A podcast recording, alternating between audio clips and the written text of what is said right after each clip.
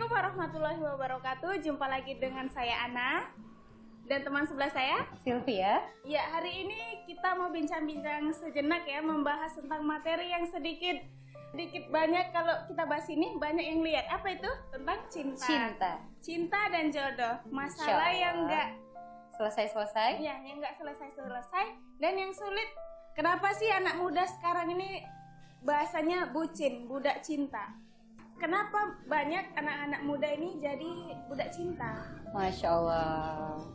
Jawab. Boleh langsung dijawab. Ya jawab jawab.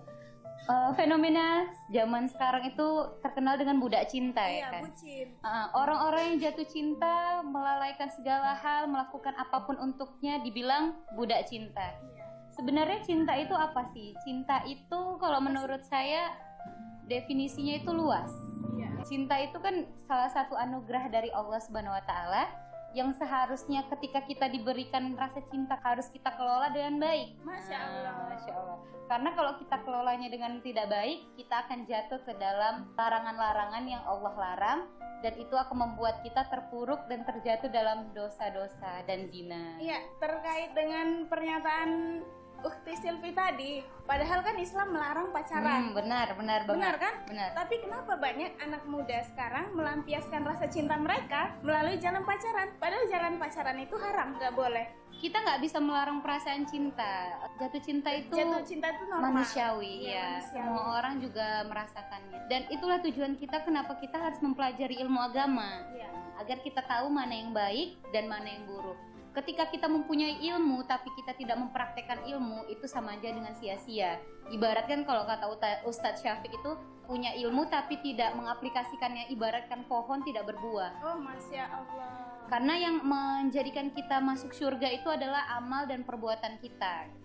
jadi buat teman-teman yang udah mengetahui bahwa pacaran itu haram, tolonglah akui saja kalau pacaran itu haram. Jangan berdalihkan kan nggak ngapa-ngapain, cuman pegangan tangan. Karena ada sekarang namanya pacaran Islami. Hmm, Pacarannya di masjid. Astagfirullah. Padahal kadang ada yang Iya. berhijabnya sudah lebar, Syar'i. tapi tetap udah tahu hukum pacaran itu haram, Hmm. tetap dilakuin Itu. juga.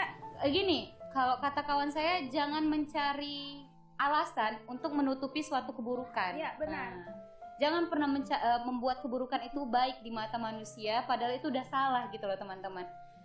Karena Islam itu udah kukuh, baik, buruk, haram, halal. Udah Iya. di tengah-tengah itu nggak ada. Eh, kamu mau berdiri di tengah-tengah itu nggak akan bisa.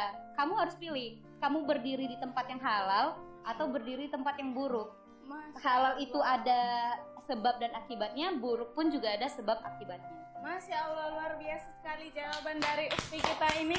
Ya, nanti akan kami lanjutkan oke. lagi podcast kami yang selanjutnya. Temanya masih rahasia ya, masih rahasia. Stay tune, jangan Stay lupa tune. like, Like, comment, comment, and share ke seluruh media sosial media yang kamu punya. Oke, see you. Dadah. Assalamualaikum.